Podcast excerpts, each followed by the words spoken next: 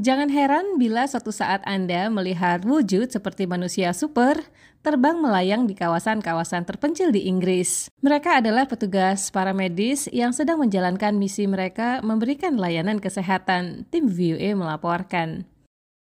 Kehadiran dokter atau perawat terbang memang masih belum menjadi kenyataan, tapi paling tidak uji cobanya sudah berlangsung, sehingga realisasinya hanyalah tinggal persoalan waktu. Sejumlah para medis dari GNAAS atau Great North Air Ambulance sudah menjajakinya dengan bantuan pakaian terbang yang disebut jet suit yang diproduksi perusahaan Inggris Gravity Industries. Jamie Walls adalah satu di antara tiga staf GNAAS yang sudah mencobanya. Ia mengungkapkan pendapatnya setelah mencoba pakaian yang membuatnya bisa terbang melewati daerah yang terjal dan berliku seperti di kawasan pegunungan Havilland di Lake District, Inggris. Ia mengatakan, Initially when I was told about this, I thought, it's impossible.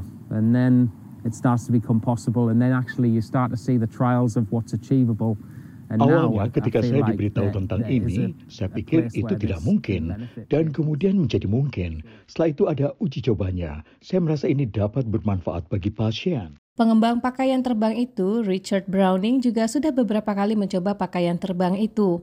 Ia berhasil menempuh rute pendakian setinggi 750 meter dengan jarak 2 km di Havilland dalam waktu sekitar 3 menit 40 detik. Bila berjalan kaki, mengingat medan yang sulit, waktu tempuh yang begitu singkat itu mustahil diwujudkan. Ia mengatakan, If you think of the cost of a paramedic helicopter and all the crew involved and the maintenance and everything, actually this is a fraction of that. So actually I I have no doubt that it has its place. Jika Anda berpikir tentang biaya helikopter paramedis dan semua kru yang terlibat serta perawatan dan segalanya, sebenarnya biaya yang dibutuhkan untuk pengadaan pakaian ini tidak begitu berarti. Saya yakin pakaian ini akan dibutuhkan para profesional kesehatan. Pakaian terbang ini dilengkapi dua turbin kecil yang masing-masing dipasang di bagian lengan dan sebuah turbin yang lebih besar yang dipasang di bagian punggung. Pakaian ini memungkinkan pemakainya melaju dengan kecepatan 128 km per jam dan secara teknis mampu mencapai ketinggian 3.650 meter.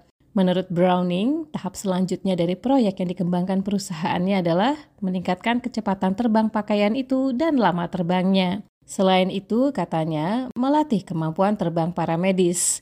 Jika mereka sudah terampil, layanan medis di lokasi terpencil bisa tersedia dalam hitungan menit. Sekian laporan tim VOA Arif Budiman, Lea Johannes.